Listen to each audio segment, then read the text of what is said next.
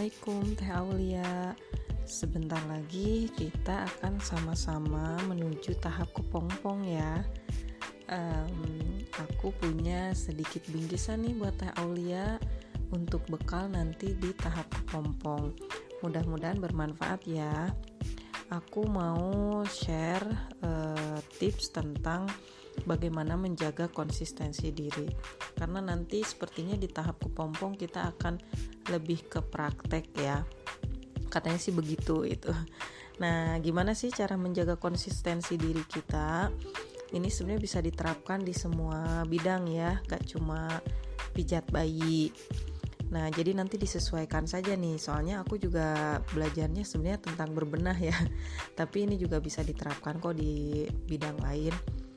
Nah, sebenarnya juga ini konsistensi diri ini juga udah kita lakukan kok di awal di Bunda Cekatan ini.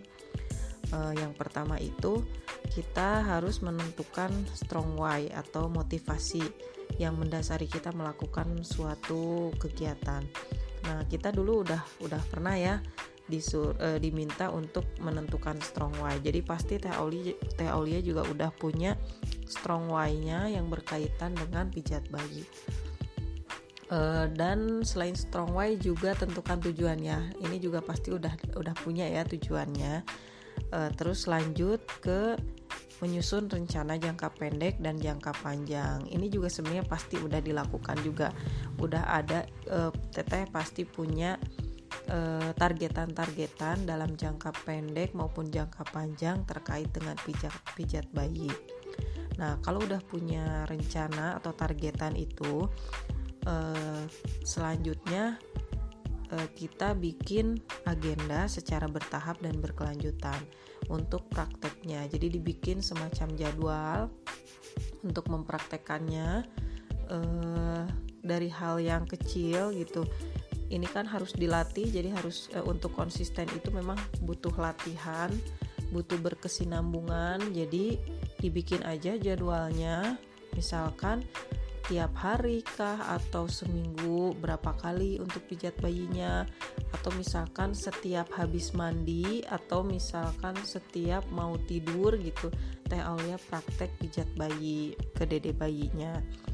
Nah itu uh, silahkan nanti ditentukan aja mau pijatnya seperti apa. Kan teteh yang menentukan ya uh, mau mau pencapaiannya mau seperti apa gitu uh, lakukan dengan mulai dari sesuatu yang sederhana dulu target yang sederhana dulu nanti kalau sudah tercapai baru ke tahap selanjutnya. Dan untuk tahu uh, tentunya kita butuh evaluasi secara ber berkala.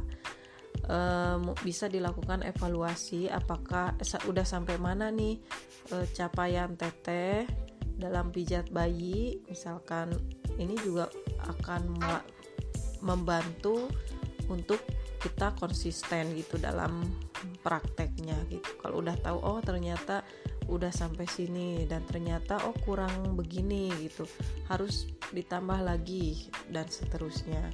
Ini sangat membantu. Dan kalau misalkan di tengah jalan kita kok eh, apa namanya gak sempet atau kadang males ya untuk praktek diingat-ingat lagi strong why-nya sama tujuannya. Kenapa kita melakukan ini?